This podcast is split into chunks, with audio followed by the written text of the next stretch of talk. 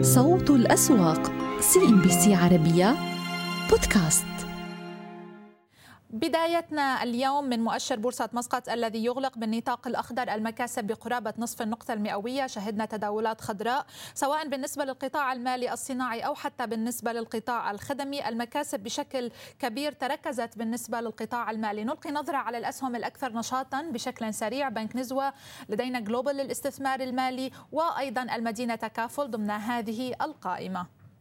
أما بالنسبة لمؤشر بورصة البحرين كان لدينا تراجعات هامشية بقرابة نصف النقطة المئوية عند 1579 نقطة. إذا ما تابعنا التحركات بالنسبة للأسهم الأكثر نشاطا كانت بصدارة البنك الأهلي المتحد بنك السلام و GFH. بكل الأحوال بالنسبة ل GFH كان قد أقفل ثاني محفظة استثمارية بمجال التكنولوجيا خلال عام هذا السهم المدرج في الكويت بورصة دبي وأيضا بورصة البحرين ضمن ما راقبناه اليوم من أسهم. السهم كان قد أغلق وهو المدرج الآن في بورصة البحرين. أغلق على ارتفاعات بقرابة نصف النقطة المئوية. أبرز البيانات الاقتصادية البحرينية آه، وجاء فيها انكماش اقتصاد البحرين بنسبة 2.1% على أساس سنوي في الربع الأول من العام بضغط من تراجع الاقتصاد غير النفطي نظرا لفرض قيود كوفيد 19 معظم فترات الربع الأول. وانكمش الاقتصاد غير النفطي 3% وبينما تراجع قطاع الفنادق والمطاعم 20% هذا وقد نما القطاع النفطي 2% خلال الربع ذاته وعلى أساس فصلي انكمش إجمالي الناتج المحلي الإجمالي 10 النقطة المئوية. أما بالنسبة للمؤشرين سوق دبي وسوق أبو ظبي كان لدينا تفاوت بالأداء ما بين آه، هذين المؤشرين. سوق دبي أغلق على تراجعات طفيفة ولكنه تماسك فوق 2800 نقطة.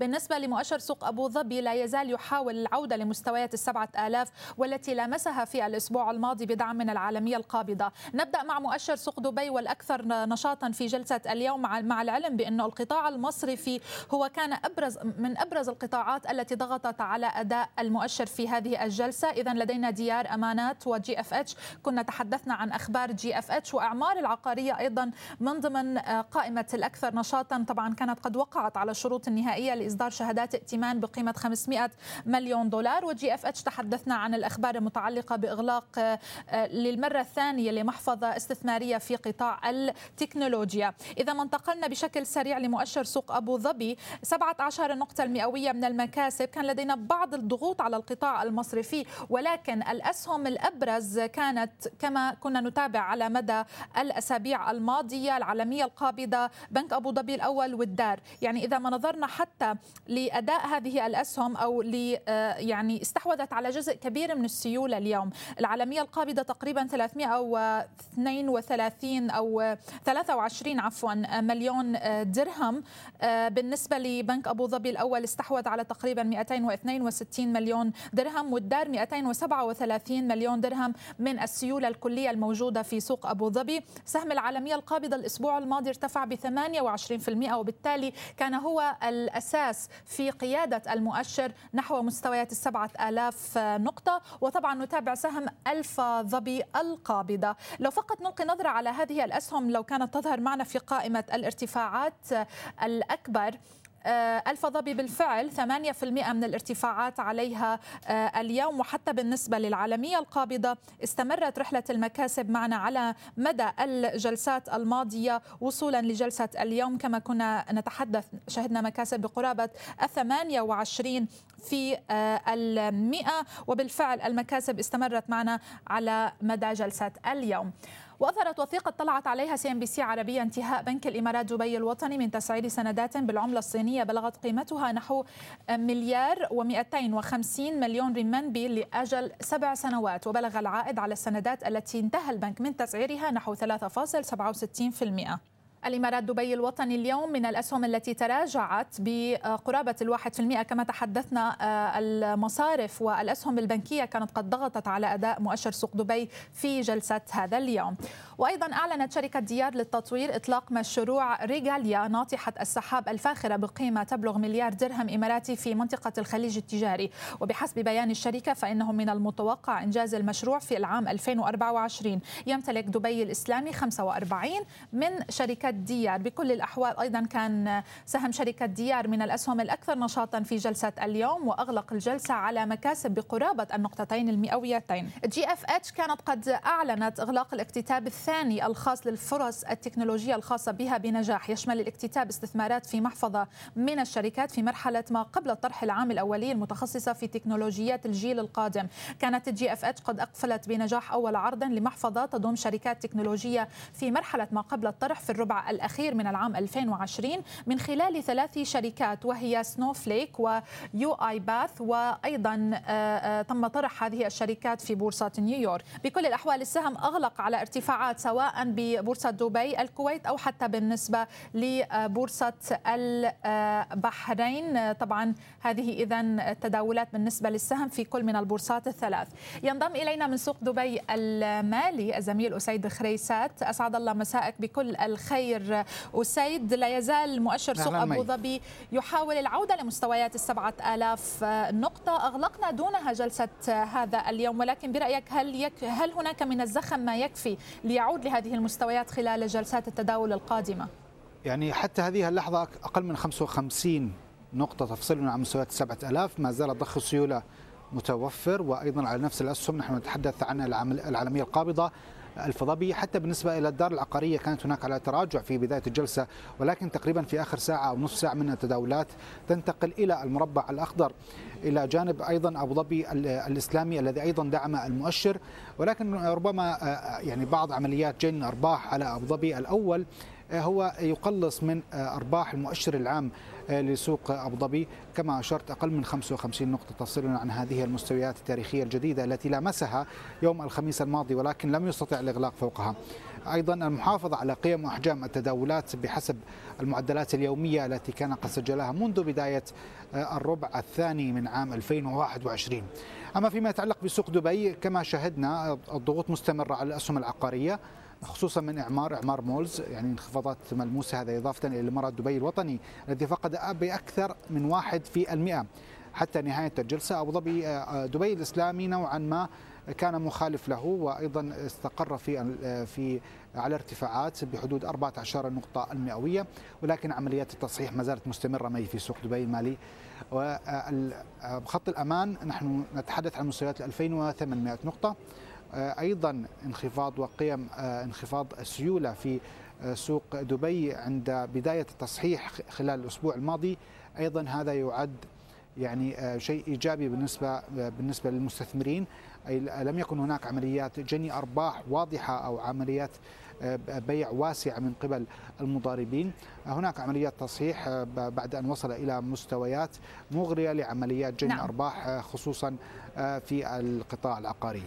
أسيد برأيك هل بدأ المستثمر يسعر نتائج الشركات المتوقعة للربع الثاني من هذا العام؟ وتحديدا بالنسبة للأسهم القيادية إن كان أسهم القطاع المصرفي أو أسهم القطاع العقاري في ظل الانتعاشة التي شهدناها لأسعار النفط في الربع الثاني وتسارع وتيرة التعافي الاقتصادي إلى حد كبير. طيب دعني أعلق على على نقطتين. النقطة الأولى هي آه، تأكيد إعمار العقارية بأنها قد وصلت إلى أو من المتوقع أن تحقق خلال النصف الأول EBITDA يعني الأرباح قبل إطفاء الخسائر قبل إطفاء الإطفاءات وأيضا الاستهلاكات والضرائب نحو 8 مليارات درهم. هذا مؤشر.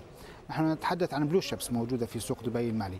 النقطة الثانية البنك المركزي يعني أيضا قرر بأن يمدد تلك الإعفاءات التي قدمها في بداية 2020 وذلك لتخفيف العبء على البنوك بحدود ال 50 مليار درهم. طبعا جراء آه، تأثر العديد من الشركات خصوصا الشركات الصغيرة والمتوسطة جراء جائحة كورونا. وبالتالي أيضا من الممكن هذا أن يدعم آه، نتائج البنوك خلال الربع الثاني. خلال الربع الأول يا مي كما تعلمين بأنه يعني ارتفاع صافي الأرباح أو تحسنها جاء من انخفاض قيمة المخصصات، بعض البنوك كان أيضا في تحسن في الإيرادات التشغيلية وفي الكور بزنس ولكن العديد منها كان نتيجة انخفاض المخصصات. هذا هو السبب الرئيسي وراء الارتفاع هل سوف يستمر ذلك كيف سوف يسعر المستثمرين كما ذكرتي نحن بصدد يعني أو يعني بانتظار إعلان أي بنك خصوصا من البنوك الكبرى في دولة الإمارات ليعطي بوصلة كيف سوف تكون عليه صحيح. الأمور أو باقي الشريعة باقي البنوك وإعلانها عن النتائج الربع الثاني من هذا العام. شكرا جزيلا لك أسيد خريسات على هذه المتابعة وأنشأت دبي كوميرس سيتي أو أنشئت كأول منطقة حرة متخصصة في مجال التجارة الإلكترونية. نتابع التفاصيل في هذا التقرير. الإمارات وبحسب تقرير صادر عن أنكتاد احتلت المرتبة الأولى عربيا في مجال التجارة الإلكترونية والتي من المتوقع نمو مبيعاتها بالدولة بنسبة 23% لتصل إلى 100 مليار درهم في 2022 ولتعزيز هذه التجارة قامت دبي بإنشاء دبي كومرسيتي كأول منطقة حرة متخصصة في مجال التجارة الإلكترونية. لما تحمله هذه التجارة من فرص قوية. إلى جانب الدور الذي تلعبه المناطق الحرة في جذب المزيد من الاستثمارات الأجنبية. تم تطوير منطقة دبي كومرسيتي في منطقة أم الرمول على مساحة 2.1 مليون متر مربع. وبمبلغ إجمالي 3.2 مليار درهم. وتتميز المنطقة أن بقربها من مطار دبي. ما يسمح لشركات التجزئة وشركات التجارة الإلكترونية الوصول إلى شركات الطيران بشكل أسرع. وجاء الهدف الرئيسي لهذه المنطقة الحرة لجذب الشركات العاملة في التجارة الإلكترونية ودعمها لوجستيا وتنظيميا. وتقديم خدمات لها من أجل تيسير أعمالها. فريق عمل دبي كومرسيتي فريق متكامل لإعداد أي دراسة أو استشارات للشركات الناشئة والشركات الصغيرة والمتوسطة لإعداد استشارات في التجارة الإلكترونية تسهيل لتسهيل العمل زايد إعداد استشارات جمركية استشارات لوجستية. تم الانتهاء من المرحلة الأولى من المدينة. ولكن ما هي أبرز ملامحها وعدد الشركات المسجلة فيها؟ نتوقع أن يكون لدينا في البداية عدد من الشركات يتجاوز المئة شركة وهذه الحديقة ستضم 165 ألف متر مربع من المساحات القابلة للاستئجار في مجمع الأعمال وفي التجمع اللوجستي لدينا أكثر من 50 ألف متر مربع من المخازن ونتوقع مستقبلا أن يزيد عدد العاملين في دبي CommerCity من ألاف إلى عشرات الآلاف. جائحة كوفيد-19 أدت إلى تسريع التغييرات في سلوك المستهلك وأنماط الإنفاق على المستويين العالمي والمحلي في الإمارات مما يشكل دعما رئيسيا للتجارة الإلكترونية. ولكن إلى أي مدى سيمتد تأثيرها على التجارة التقليدية وأنماط التسوق الفعلي؟ وهل ستؤدي إلى اختفائها مع جيل الإنترنت؟ الأشياء وطبعا مشاهدينا كنا نتابع حتى نهاية الأسبوع الماضي آخر التطورات المتعلقة باجتماع أوبك بلس لاتخاذ قرار حول مستويات الإنتاج المتوقعة من أغسطس حتى نهاية هذا العام. وكما سمعنا وبحسب تقارير لرويترز كانت قد أشارت إلى أنه لدينا اعتراض من الطرف الإماراتي حول آه، موضوع آه، تمديد هذا الاتفاق حتى نهاية العام المقبل. في آخر الأخبار التي ترد الآن الإمارات تقول بأنها تدعم زيادة إنتاج النفط من أغسطس إلى ديسمبر ولكن دون شروط. وما تقصده هنا طبعا هو موضوع ربط زيادة الإنتاج بتمديد الاتفاق الحالي إلى ديسمبر 2022 والذي بحسب الوكالة الرسمية الإمارات ترى بأنه قرار غير عادل وغير منصف. أيضا كان لدينا تصريحات أو أخبار عاجلة أخرى تشير إلى أن الإمارات تطالب بإعادة النظر في مستوى إنتاج النفط المرجعي بما يضمن التوزيع العادل لحصص الإنتاج بين أعضاء أوبك وبأن أن آه، آه، يجب أن يكون هناك إرجاء لقرار تمديد اتفاق إنتاج النفط لاجتماع لاحق بما يفسح المجال لقرار فوري بزيادة الإنتاج من أغسطس لنهاية شهر ديسمبر. يعني الواضح بأنه آه، هناك اتفاق حول موضوع رفع مستويات الإنتاج من أغسطس لديسمبر ولكن السؤال يبقى والمعارضة والمحادثات تتعلق بمتى سينتهي هذا الاتفاق؟ هل ينتهي في أبريل 2022 أو ينتهي في ديسمبر؟ حتى الآن ترد أيضا تصريحات جديدة تشير إلى أن طاقة إنتاج النفط الإماراتية تبرر زيادة المستوى المرجعي لتخفيضات الإنتاج في اتفاقات أوبك. على كل سوف نستمر في متابعة هذا الملف وأيضا كيف ستكون انعكاساته على الأسعار. طبعا غدا لدينا موعد آه، آه، الاجتماع والذي آه، تم تأجيله كما تحدثنا من يوم الجمعة إلى غد. والواضح بأنه لدينا يعني إصرار على تحفظ الإمارات العربية المتحدة بأنه لا يجب ربط موضوع زيادة مستويات الإنتاج من أغسطس إلى ديسمبر بموضوع متى ينتهي هذا الاتفاق أو ال expiry date الخاصة به وهي التي من المفترض أن تكون في ابريل ولكن هناك أحاديث ما بين السعودية وروسيا على تمديدها حتى نهاية العام المقبل. صوت الأسواق CNBC عربية بودكاست إذا مؤشر البورصة القطرية يتماسك فوق مستويات العشرة آلاف وثمانمائة نقطة والداعم الأساسي هو القطاع الصناعي الذي يرتفع وارتفع في جلسة اليوم بقرابة نصف النقطة المئوية بينما شهدنا الضغوط على القطاع المصرفي. إذا ما ألقينا نظرة على قائمة الأكثر نشاطا في جلسة اليوم نلاحظ مزايا يتصدر هذه القائمة. لدينا الاستثمار السلام قامكو أيضا ضمن قائمة الأكثر نشاطا. الارتفاعات الأكبر كانت بالنسبة لمزايا بقرابة الأربعة في المئة والمتحدة للتنمية ب 2 فاصل تقريبا 6 في المئة. بينما شهدنا بعض الضغوط على أريدو على بن قطر الإسلامي على مصرف الريان. إذا ما تتبعنا قائمة القياديات نلاحظ بأنه قياديات القطاع الصناعي اليوم بالأخضر يعني مسيعيد للبتروكيماويات على مكاسب بقرابة نصف النقطة المئوية. صناعات قطر تقريبا 17 النقطة المئوية. ناقلات أيضا اليوم على مكاسب ولكنها طفيفة جدا. بينما لاحظنا QNB يرتفع هامشيا بأقل من عشر النقطة المئوية الواحدة. عموما نترقب نتائج الشركات للربع الثاني من هذا العام على خلفية الارتفاعات التي شهدناها في أسعار النفط من جهة والتحسن وتسارع وتيرة التعافي الاقتصادي من جهة ثانية. نراقب موضوع التقييمات بالنسبة لبعض الأسهم وخصوصا التي أظهرت تحسن سعري بشكل سريع بينما نتائج أعمالها وأرباحها لم تشهد هذا التحسن السريع. لم تعد إلى مستويات ما قبل جائحة كورونا. وبالنسبة للتفاعل مع أسعار النفط إلى حد كبير. آه، يعني لا يوجد هذا التفاعل على الأقل فقط من البورصة القطرية شهدنا تجاهل هذا الملف على مدى الجلسات الماضية. معمر عواد ينضم إلينا من الدوحة للحديث حول هذه الجلسة. أهلا ومرحبا بك معنا معمر. إذا المؤشر يتماسك مرحبا. فوق العشرة آلاف وثمانمائة نقطة. هل بدأنا نسعر نتائج الشركات وتحديدا بالنسبة للشركات القيادية؟ يعني نستطيع أن نقول يعني آه، خطونا خطوة أولى. غدا سوف يكون أول اختبار.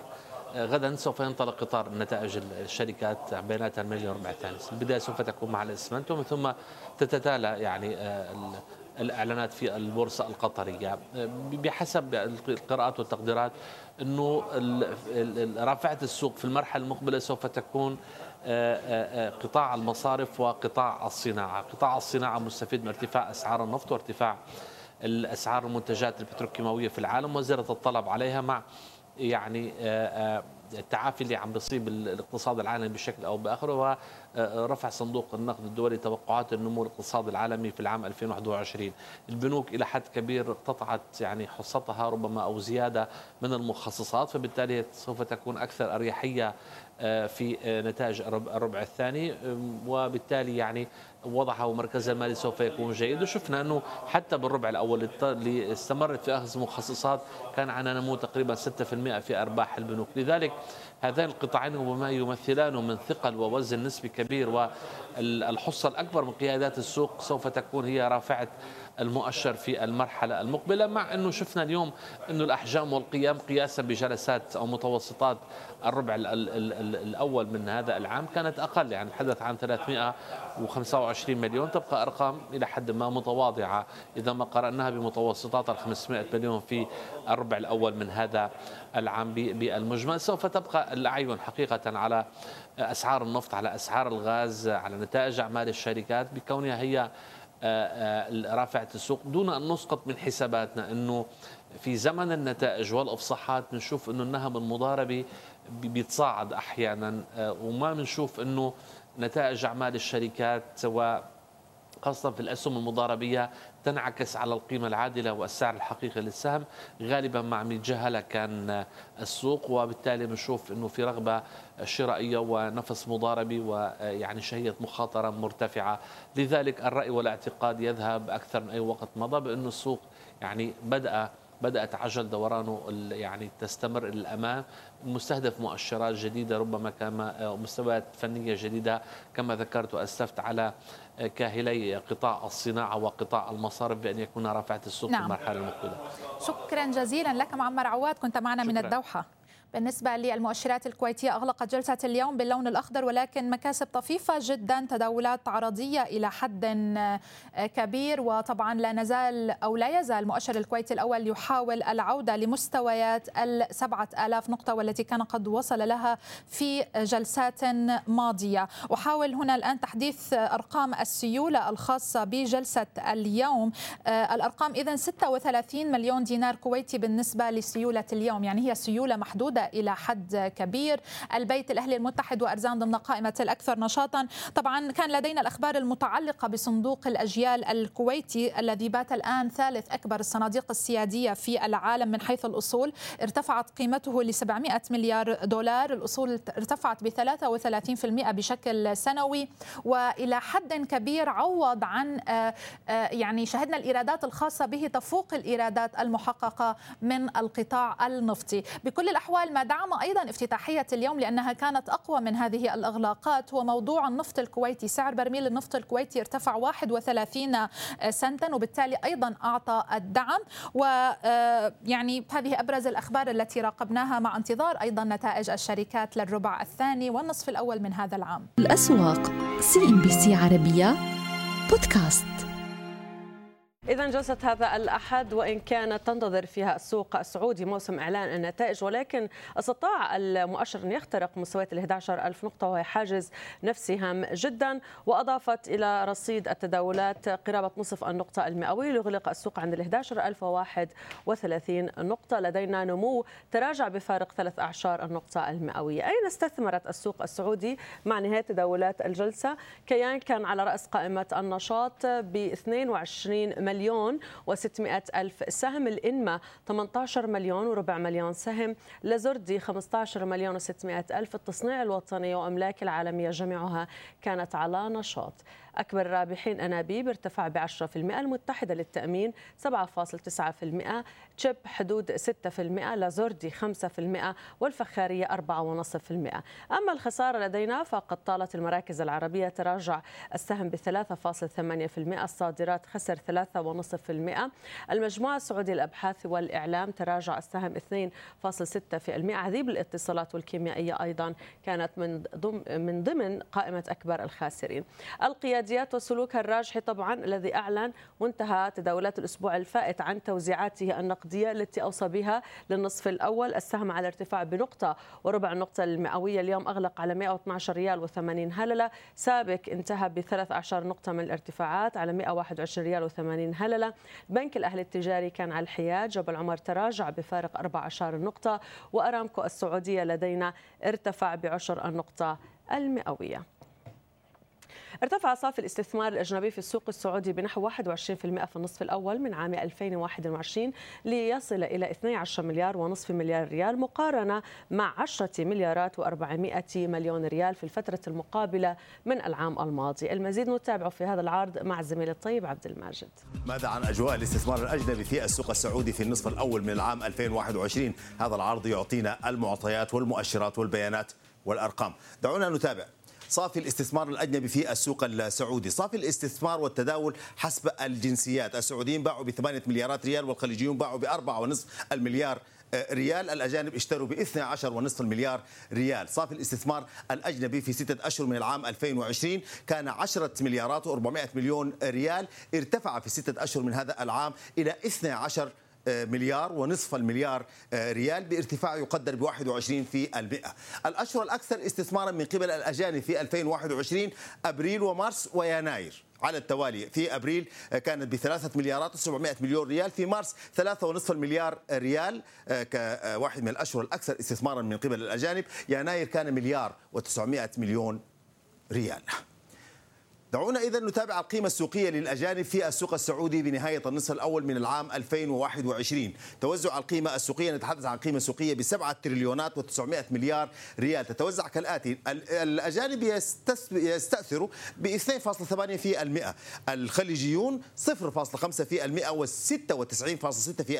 تذهب للسعوديين من توزع هذه القيمة السوقية. القيمة السوقية للأجانب 276 مليار ريال. المكاسب في عام قدرت ب 104 مليارات ريال ارتفاعات ب 61 في المئة. ونحن نتحدث عن الاستثمارات الأجنبية في السوق السعودي في النصف الأول من هذا العام. الخليجيون قدرت استثماراتهم ب 50 مليار و600 مليون ريال. ارتفعت هذه الاستثمارات في النصف الأول من هذا العام 37 في المئة. والسعوديون قدموا 9 مليارات و400 مليون ريال ارتفاعات أيضا ب 17 في المئة في هذا النصف من العام.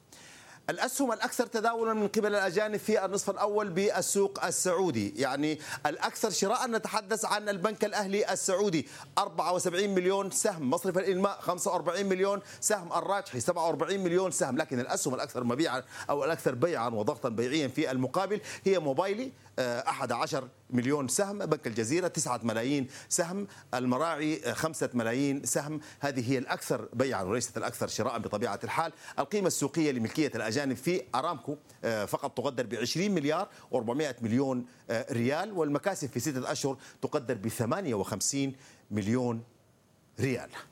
هذا هو المشهد العام للاستثمارات الأجنبية في السوق السعودي في النصف الأول وعلى ما يبدو من الأرقام والمحتويات بأنها خضراء. ولتحليل أداء الجلسة في السوق السعودي معنا السيد محمد الشميمري مدير عام مكتب الشميمري للاستشارات المالية. أحييك معنا. موسم ما قبل إعلان النتائج يجب أن نكون أكثر حذرا ومع ذلك حققنا اختراق لل 11000 نقطة.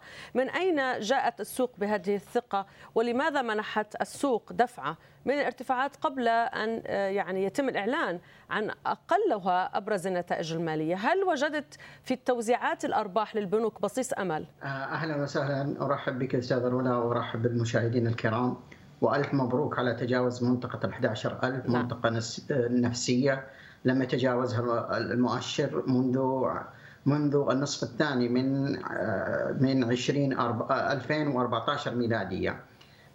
عندنا الآن منطقة ال 11159 كهدف قصير أجل اختراق هذه المنطقة وتجاوزها نستهدف منطقة ال 11531 ما في شك أن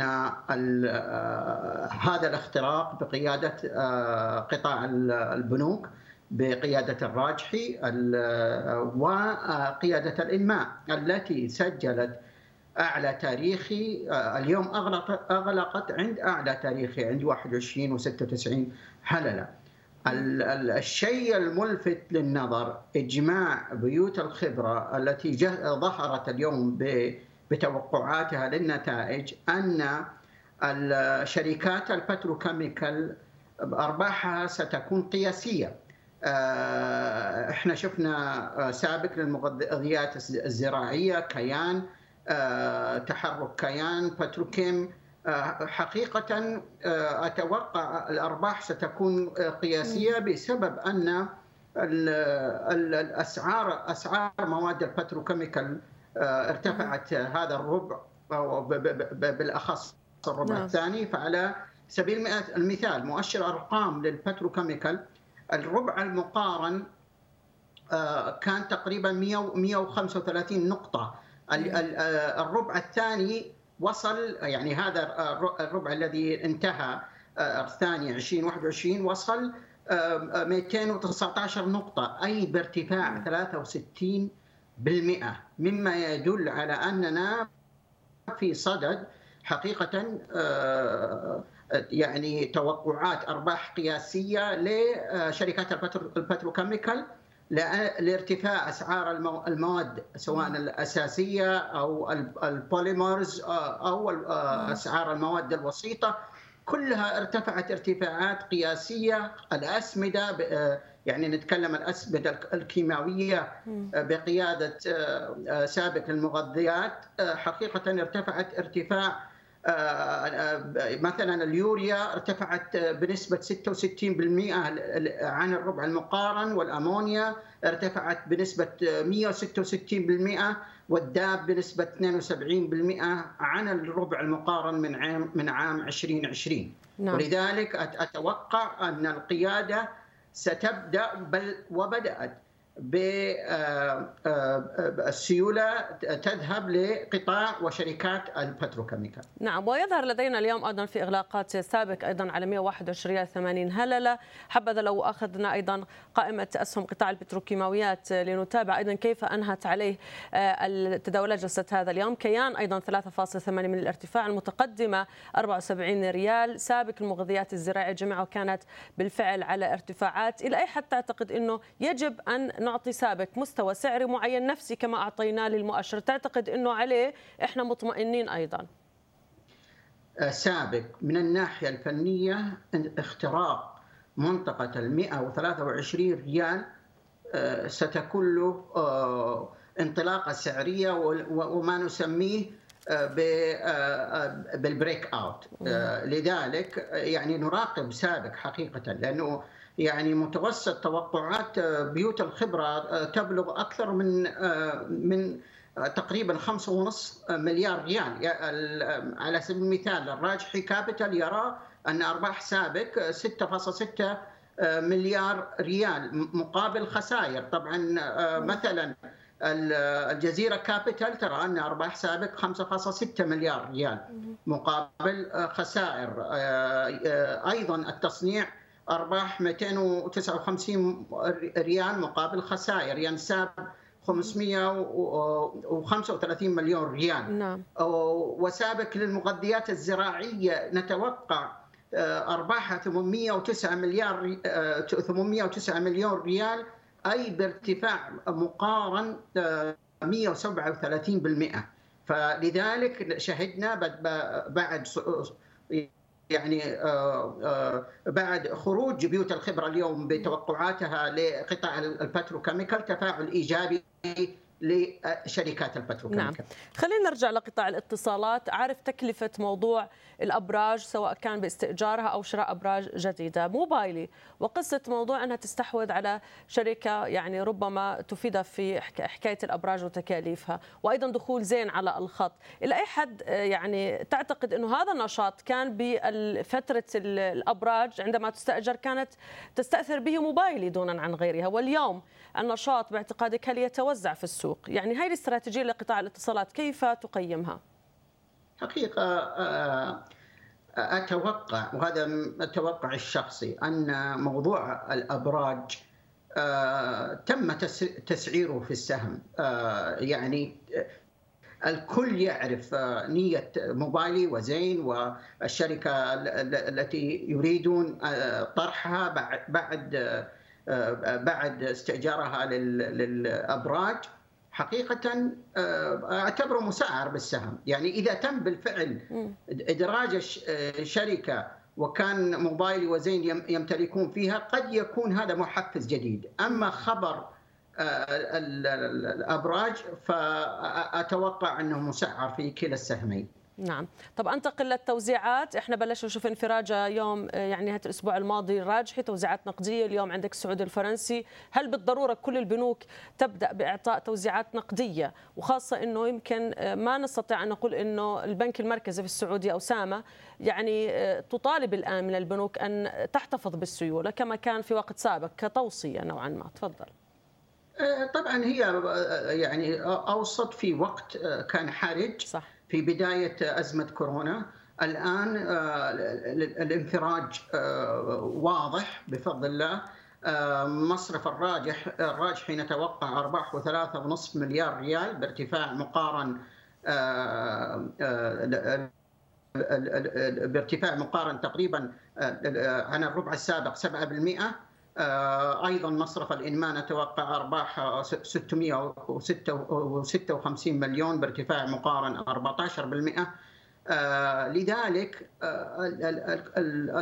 المصارف عودت مساهميها أن تكون مصدر للتوزيعات. وخاصة أن المتمركزين في المصارف ليس كالمتمركزين في شركات أخرى وإنما أكثرهم مستثمرين طويلين طويلي أجل يعتمدون على هذه التوزيعات يهتمون بهذه التوزيعات. أيضا ممثلة أيضا بالصناديق لأن قطاع المصارف يعتبر عصب من يعني جزء آه، ومهم من السوق الأسهم السعودي ومن الاقتصاد السعودي والتوزيعات مهمة جدا آه، لكل القطاعات لكن بالأخص قطاع المصارف. نعم. وطبعا يتبقى لدينا فقط انتظار إعلان نتائج. إذا كانت البنوك يعني هي التي ستقود النتائج بحكم أنها تبعث دائما قائمة احتياطية لنتائجها آه، قبل التدقيق. اسمح لي مش احتياطية قبل التدقيق للبنك المركزي. آه، إذا كانت جيدة هل هذا ينطبق بالضرورة على كل السوق؟ ما في شك ان أن النتائج حتختلف. باختلاف القطاع وباختلاف الشركات. آه، يعني على سبيل المثال آه، آه، ما زال يعني شركات مثل الراجحي المعتمدة على قطاع الأفراد ستؤدي أداء ممتاز. بينما بنوك تعتمد على قطاع الأعمال بشكل أكبر ستؤدي أداء أقل. القطاعات الأخرى أعتقد الاسمنت سيكون هناك شركات الاسمنت سيكون هناك آه، تراجع في أرباح الشركات بسبب الموسمية. وذلك أن الربع الثاني تزامن مع وجود آه، شهر رمضان المبارك والإنتاج آه، وهو موسمية يقل الطلب على الاسمنت في ذلك. مثلا قطاع الصحي الرعاية الصحية سيكون بعض الشركات نمو جيد جدا. آه، آه،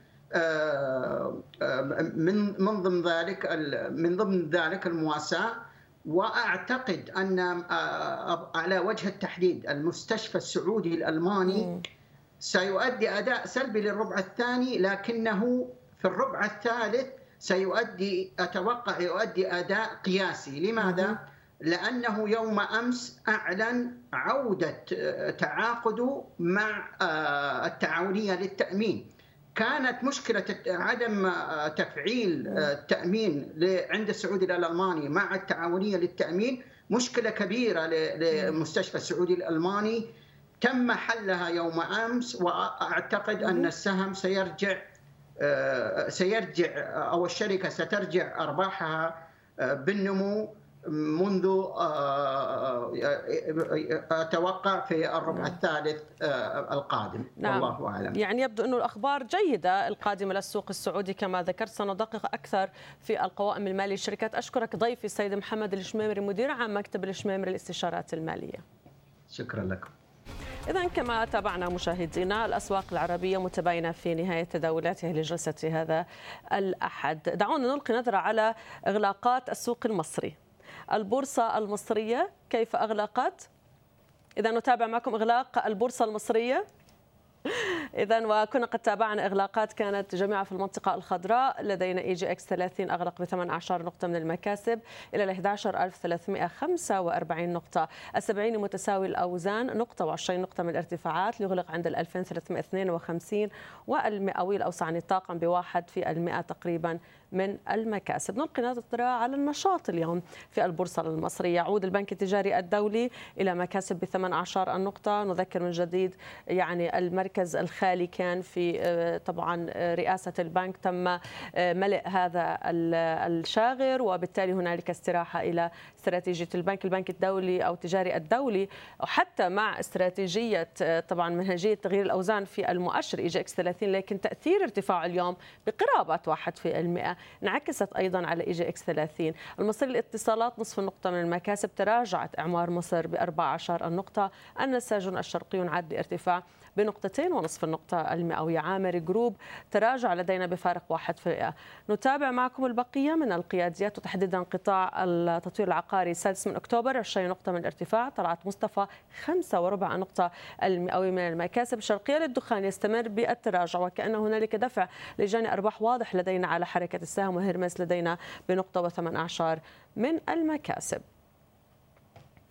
وفي مصر اعتمد مجلس إدارة شركة أبو قير للأسمدة والصناعات الكيماوية المصرية مؤشرات الموازنة التخطيطية للعام 2021-2022 والتي كشفت عن استهداف إجمالي أرباح قبل الضرائب بلغ مليارين و100 مليون جنيه. وأضافت الشركة في بيان البورصة المصرية أن الموازنة تستهدف مبيعات بقيمة 6 مليارات و400 مليون جنيه وإجمالي إيرادات بلغت 7 مليارات جنيه خلال العام. طبعا أبو قير الاسمده والصناعات يعتبر من الاسمده من الأسمدة يعتبر من الأسهم التي أيضا تدير لدينا واضح يعني حركة المضاربة على السهم. 4% كان نشاط اليوم على السهم وأغلق عند 20 جنيه. ارتفعت أرباح شركة الصناعات الهندسية المعمارية للإنشاء والتعمير المصرية في الربع الأول بنسبة 165% على أساس سنوي لتصل إلى 43 مليون ونصف مليون جنيه. وكانت الشركة قد حققت أرباحا بلغت 107 ملايين جنيه في الربع الأخير من العام الماضي. أعلنت الرقابة المصرية بأنه تم إيداع طلب تعديل سعر إعلان عرض الشراء الإجباري لأسهم الإسكندرية للاستثمارات المالية والمقدم من Compass Capital لشراء حتى عدد 5 ملايين و200 ألف سهم بنسبة 100% من أسهم رأس المال. ليصبح السعر 6 جنيهات و12 قرشا للسهم بدلا من 5 جنيهات و72 قرشا. الإسكندرية الوطني للاستثمارات المالية أغلق تقريبا ب 10% من المكاسب. إذا هذه الفترة ليست فقط في البورصة المصرية في كل أسواق العالم. فترة التوزيعات الديفيدنس إعلان النتائج المالية. كيف يجب أن تستبقها السوق؟ نناقشها مع ضيفي من القاهرة السيد معتصم الشهيد عضو مجلس إدارة شركة هورايزون لتداول الأوراق المالية أحييك دائما. خليني أبدأ ب EGX 30 لا نستطيع أن نتجاهل أو ننكر أنه صار له فترة المؤشر آه، يحاول التعويض عن الخسائر. بس كمان في حقيقة اليوم أنه التجاري الدولي أغلق على ارتفاع تقريبا 19 النقطة المئوية. لأي حد تعتقد أنه مع ارتفاع التجاري الدولي أيضا EGX 30 يسير في الطريق آه، نحو التعويض.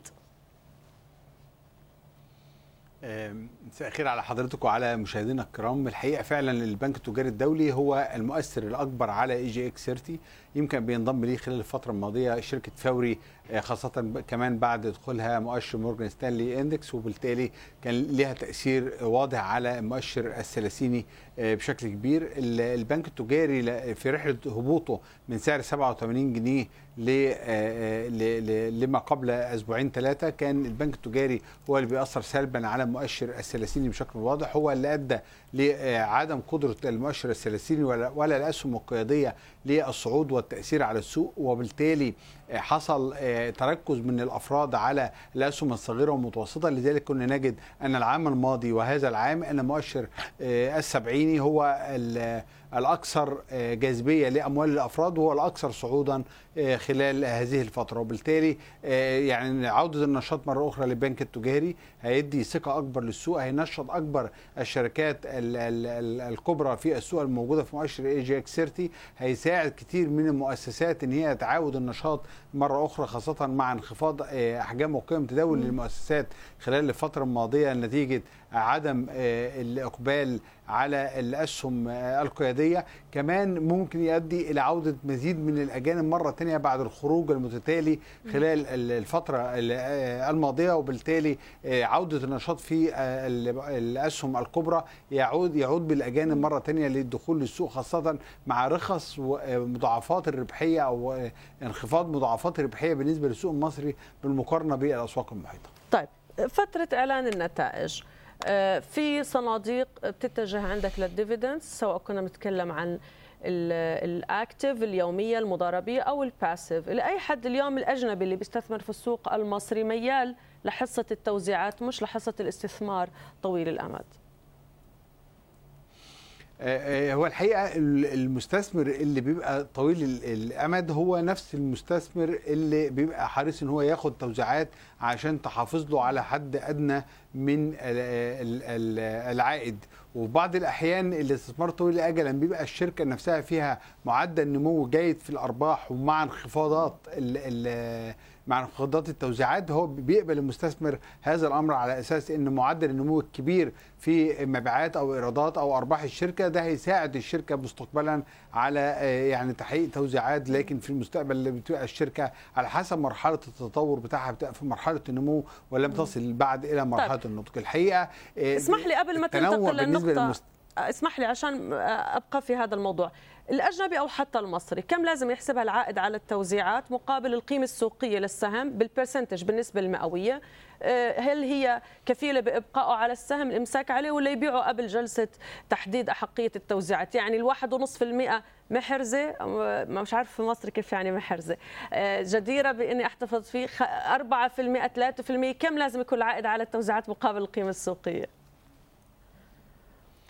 الحقيقة العائد على التوزيعات في مصر دايما بنقارنه بال ال risk free return أو المعدل العائد الخالي من المخاطر ولابد أن يكون العائد على العائد على الشركة سواء عائد توزيعات زائد الأرباح الرأسمالية. تتخطى هذا الأمر بحيث إنها تكون تعويض للمستثمر عن المخاطر اللي ممكن يتعرض لها في سوق المال. هناك بقى لما نيجي نبص على الشركات بنجد إن هناك قطاعات مختلفة.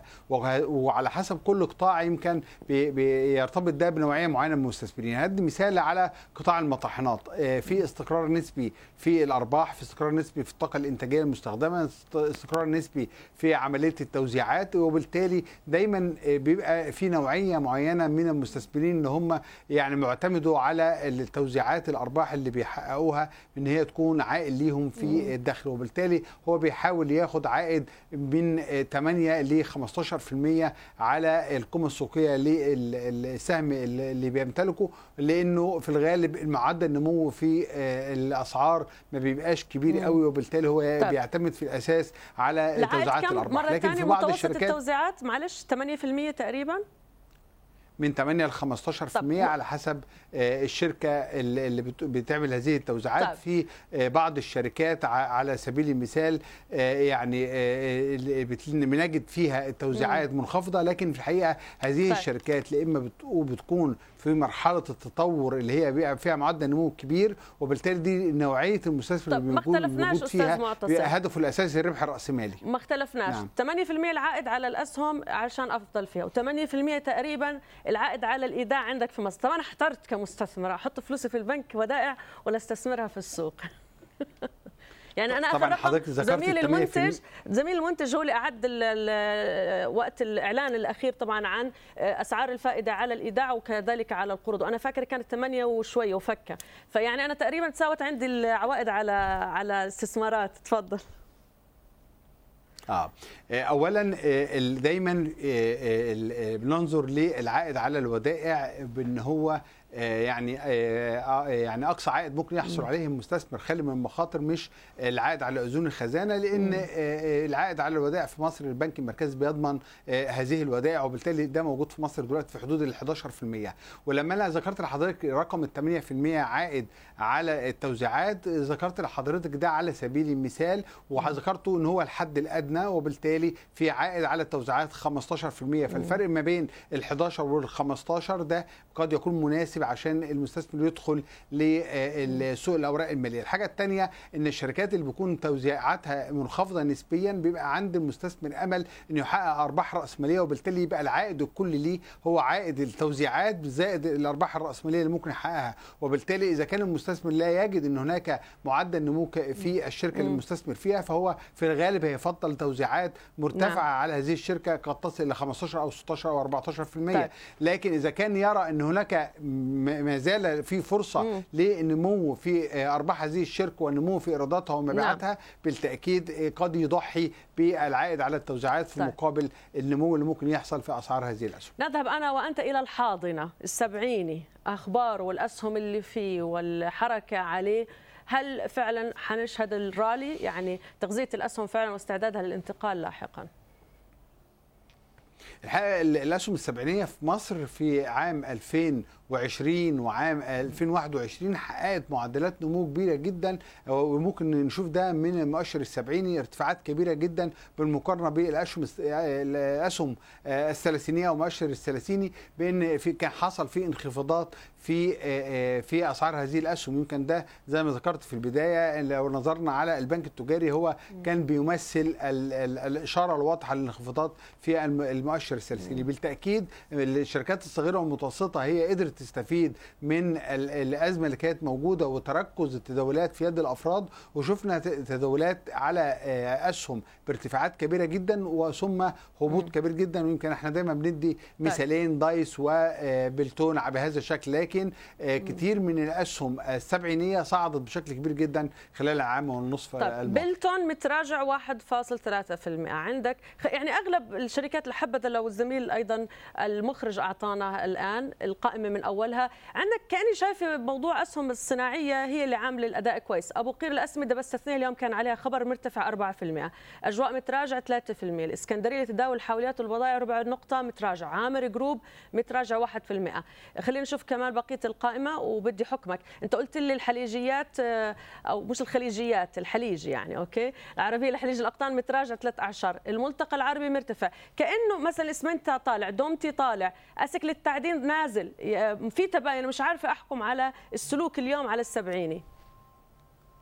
هو الحقيقة هو سلوك عشوائي مش مم. مش ماشي قطاعي يعني حضرتك لا هتلاقي إن القطاع مثلا المقاولات أو القطاع العقاري فيه أو القطاع الصناعي فيه أو قطاع معين هو واخد اتجاه محدد لا هو كل شركة لها ظروفها الخاصة من حيث تداولات الأفراد اللي فيها وبعض الأسهم اللي حضرتك ذكرتيها بتتم عليها مضاربات قوية وبالتالي الصعود والهبوط بقى مرتبط بقوة البائع وقوة وقوة المشتري وليس مرتبط بأحداث داخلية داخل الشركة سواء أحداث مرتبطة بنتائج طيب. الأعمال أو الإيرادات أو تغييرات معينة داخل الشركة. سؤال مهم كثير إحنا داخلين على أجازة طويلة كل عام وإنت بألف خير.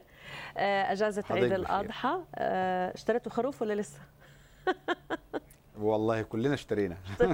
طب حلو.